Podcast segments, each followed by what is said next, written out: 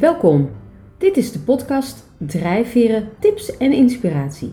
De podcast die jou als leidinggevende tips en inspiratie geeft hoe jij drijfveren toepast in jouw persoonlijke ontwikkeling en in jouw team.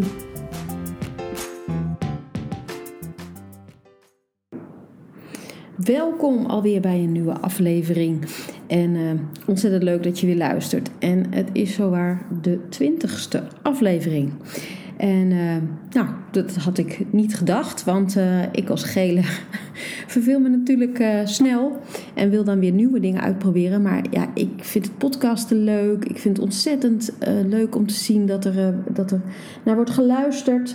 En, en ik krijg ook regelmatig reacties. En ja, dat vind ik alleen maar heel leuk. Want nou ja, uiteindelijk zit ik hier in mijn eentje tegen, tegen een schermpje aan te praten. Dus hoe fijn is het om af en toe reacties te krijgen.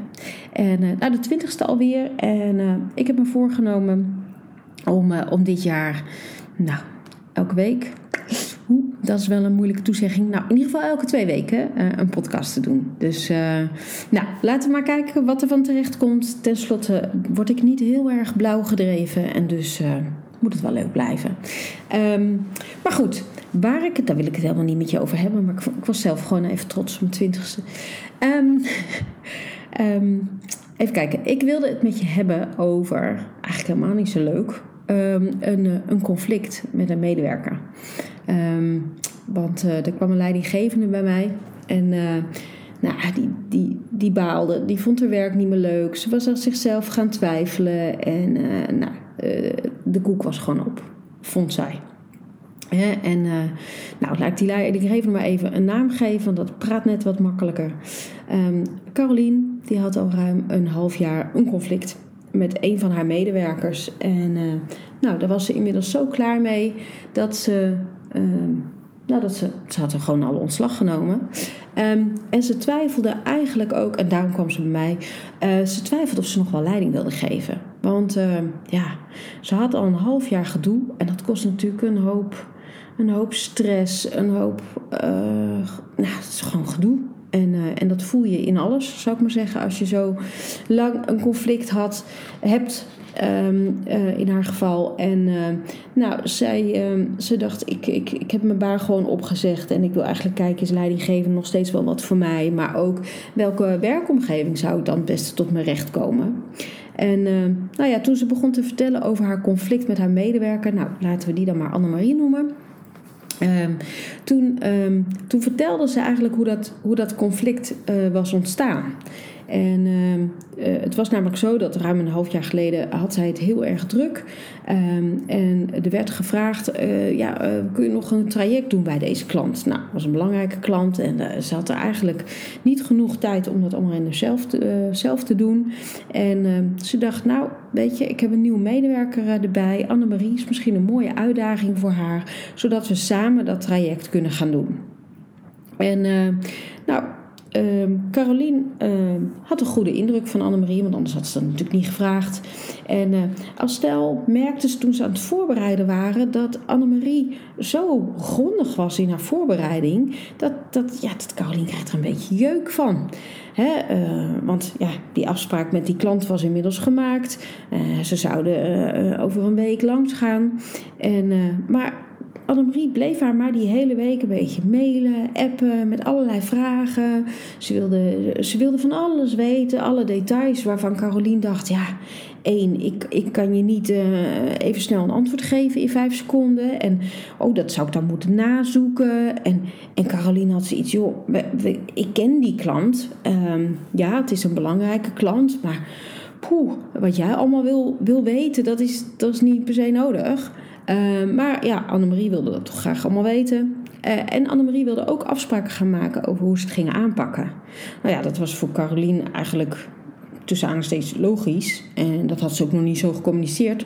Maar die had zoiets van: ja, uh, ik ben hier uh, de leidinggevende, dat is een belangrijke klant. Ik kan dit niet alleen. Ik heb jou gevraagd om mij te helpen. Dus ja, ik neem gewoon de lead in dat gesprek. Uh, ze had ook niet verwacht dat Annemarie, ja, dat ze zich een beetje zou voorbereiden. Maar dat hoefde niet helemaal in de puntjes. Want Carolien dacht: nou, ik ga naar die klant. Ehm, die ken ik. We lopen even door wat er moet gebeuren. Annemarie kan dat dan laten uitwerken. Dan snapt ze ook gelijk wat er moet gebeuren. En dan kan ze me eigenlijk met name ondersteunen in, in, in de uitvoering. Ehm, maar goed, ehm, ja, Carolien dacht ook, ja, ik heb al jarenlang ervaring. Maar wat jij nu allemaal gaat vragen, dat is helemaal niet nodig. Maar goed, ehm, ze had dus niet op al die mails en al die specifieke vragen van Annemarie uh, geantwoord. Omdat ze heel vaak dacht, ja, het kost me gewoon tijd om op te zoeken. Nou, uh, niet belangrijk.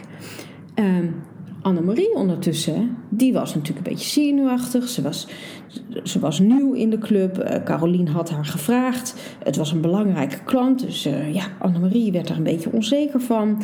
En die wilde zich heel graag heel goed voorbereiden. Maar in die week uh, ter voorbereiding, uh, merkte ze dat Caroline niet reageerde op haar mailtjes. Een beetje soms een vaag antwoord gaf van, nou, dat weet ik niet precies, moet je maar even zoeken. En nou, ze, ze vond er eigenlijk nogal wat chaotisch. En ook, ja, ze kwam ook een beetje nonchalant over. soms reageert ze ook, oh, dat is niet nodig. Terwijl Annemarie dacht, ja, ik vind dat wel nodig. Ik heb dat nodig voor mijn voorbereiding. Nou ja, ze gingen natuurlijk naar die klant. Daar hadden ze een gesprek. Um, en na het gesprek met die klant, nou, hingen een beetje, merkte ze in de auto, dat het, het, het, nou, moet ik dat zeggen, het wrong een beetje. En uh, dus Caroline zegt, joh, uh, wat is er aan de hand? We, we, hebben een goed gesprek gehad bij de klant. Jij kan er straks mee verder. En Annemarie was een beetje bokkig. En uh, Annemarie liet zich ontvallen van ja, maar jij was in de. Hè, ik kon me helemaal niet voorbereiden en ik voelde me onzeker. En uh, ik heb allerlei dingen aan jou gevraagd en daar heb je niet op gereageerd. Kortom, het liep even niet lekker tussen die twee. Um, maar goed, um, hè, ze merkte ook, uh, Carolien, dat ze niet veel verder kwam. En dat Annemarie zei, ja, maar jij, weet je, dus dat schoot natuurlijk niet op. Um, en Carolien dacht, nou weet je wat, uh, we ronden dat, we doen dat traject bij die klant en uh, joh, komt het wel goed. Um, maar ja, Annemarie is natuurlijk ook gewoon haar medewerker. En ze kon Annemarie natuurlijk ook niet zomaar een beetje uit de weg gaan. Hoewel ze dat, hè, dat merkte ze zelf ook wel, dat, dat, dat ze dat toch wel een beetje zoveel mogelijk probeerde. En, uh, en als ze met Annemarie in gesprek ging, dan merkte ze vaak dat ze nou, nogal kort reageerde. Caroline dan zelf natuurlijk. En, en dat ze na zo'n gesprek echt dacht: oh, weet je, dit schiet toch niet op. En al die details. Nou, dat sleepte nu uh, al, al uh, een langere tijd voort. Dat traject met die klant, dat was, dat was uh, afgerond. Maar ze dacht, ja, ik word hier gewoon niet blij van. en dus had ze besloten om te stoppen met werken. Um, nou, dat scheelt natuurlijk in deze arbeidsmarkt. Kan die keuze soms net wat makkelijker gemaakt worden. Maar ja, haar vraag was nu: ja, zal ik wel of niet leiding geven? En met welke mensen kan ik dan samenwerken? Wat is nou een goede werkomgeving voor mij? En stel dat ze nu weer een Annemarie in het team tegen zou komen. Nou, daar moest ze serieus niet aan denken. Maar goed, ik heb in mijn werk geleerd als HR-adviseur dat uh, ja, als je een conflict hebt met een medewerker en je, en je pakt het niet aan. Um, dat je uiteindelijk zeg maar nog een paar van dat soort types, zal ik dan maar zeggen, uh, krijgt. Totdat je ermee weet te dealen en totdat je uh, nou ja, het conflict hebt opgelost of, of dat je snapt waar het vandaan komt.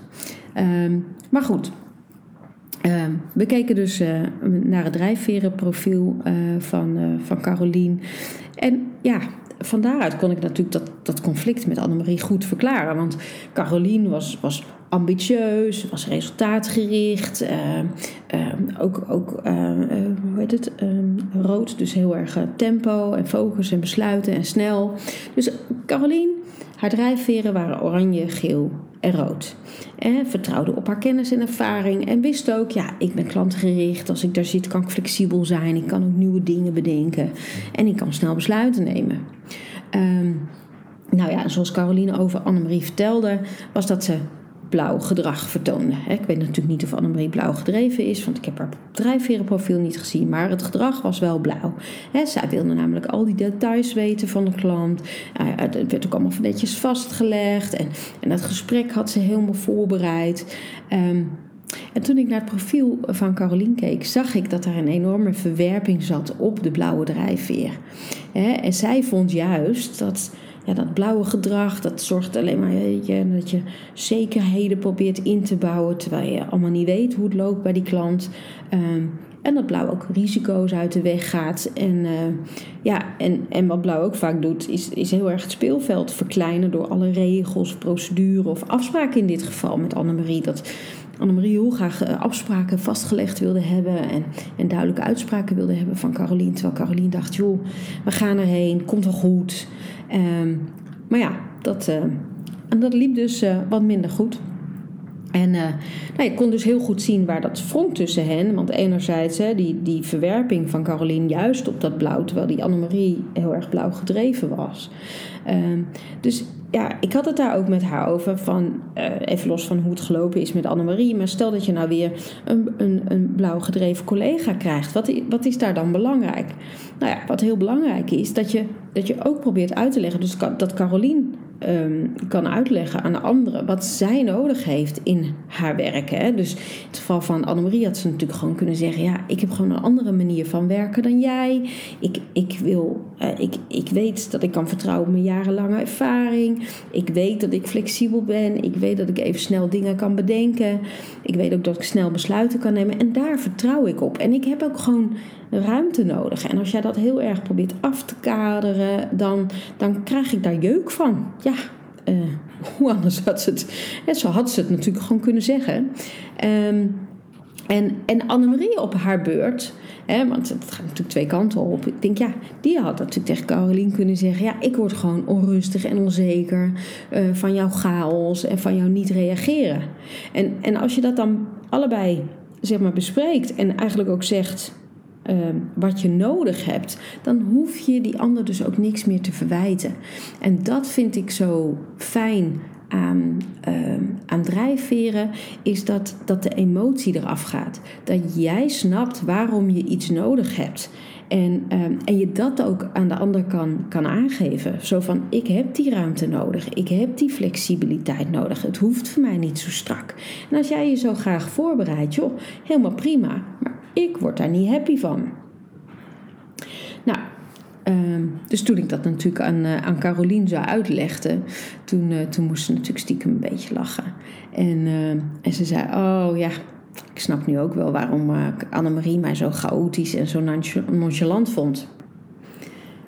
Ja, en dat is precies waar het voor mij um, in de, met drijfveren over gaat. En mensen zeggen natuurlijk: ja, drijfveren kan toch ook. Ja, alles kan op een andere manier. Maar drijfveren maakt wel heel inzichtelijk, met, met, met zeven drijfveren. Um, als je er inzicht in hebt voor jezelf, hoe jij graag werkt, wat jij belangrijk vindt in jouw werk. En is dat dan vrijheid, of is dat flexibiliteit, of is dat uh, afspraken duidelijk, of is het uh, snelheid is belangrijk, of is het belangrijk om een goede sfeer te hebben. Het kan van alles zijn, maar als jij weet wat jij belangrijk vindt in je werk, en zeker als leidinggevende, dan kun je dat ook communiceren met je team. Dat is wat jij nodig hebt. Maar andersom ook, is dat je dus snapt wat die ander nodig heeft. Um, ja, het begint natuurlijk bij inzicht in jezelf, maar ook um, inzicht in een ander krijgen. En dat heeft te maken met dat je voor jezelf ook weet. Nou, voor wat voor dingen word ik nou gewoon, ben ik gewoon allergisch. En, dat mag, hè. Uh, maar je kunt daardoor wel met elkaar in gesprek uh, raken over wat vind jij nou ja, wat vind je nou belangrijk in je werk? Um, en ik denk dat we dat soms te weinig doen. Want dan gaan we lopen fitten en dan, en dan merk je dat het, dat het niet werkt en het loopt niet lekker. En we proberen het te bespreken, maar als je niet oppast, kom je al snel in die jijbakken terecht. Ja, maar jij. Um, en ik, ik denk, nou, ik denk dat niet, ik weet, want dat heb ik zelf gemerkt, is dat inzicht in je drijfveren natuurlijk heel anders voor je werkt. Uh, want daardoor hoeven kleine meningsverschillen of kleine verschillen van inzicht, want dat is het eigenlijk, helemaal niet uit te lopen op conflicten. Nou, hoe fijn is dat? En hoe fijn zou het geweest zijn, maar het is altijd makkelijk om achteraf uh, te oordelen natuurlijk, als Carolien dat had gezien en niet zes maanden lang af en toe slapeloze nachten had moeten hebben. Energie was kwijtgeraakt. En ik denk ook dat Annemarie ook niet heel gelukkig was als je een leidinggevende hebt ehm, ehm, zoals Carolien toen was en hoe zij gereageerd heeft. Ik denk dat ze allebei niet het beste in elkaar op dat moment uh, naar boven haalden. Maar ook omdat ze niet wisten dat ze eigenlijk allebei iets anders nodig hadden. En juist, dat is eigenlijk nog het mooiste vind ik dan, um, dat ze elkaar super hadden kunnen aanvullen. Want daar waar, waar Carolien aandacht had voor de grote lijn en de flexibiliteit, had Annemarie aandacht voor de details. Ze hadden elkaar perfect kunnen aanvullen. Maar ja, dan moet je wel weten hoe dat werkt. Nou, dankjewel weer voor het luisteren. Tot de volgende keer.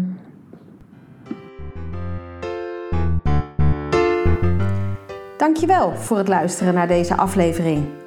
Wil je meer weten over drijfveren? Kijk dan eens even op mijn website www.danielle-elaga.nl. Daar staat onder andere een gratis e-book over drijfveren voor je klaar en je kan een gratis test doen over wat drijft jou.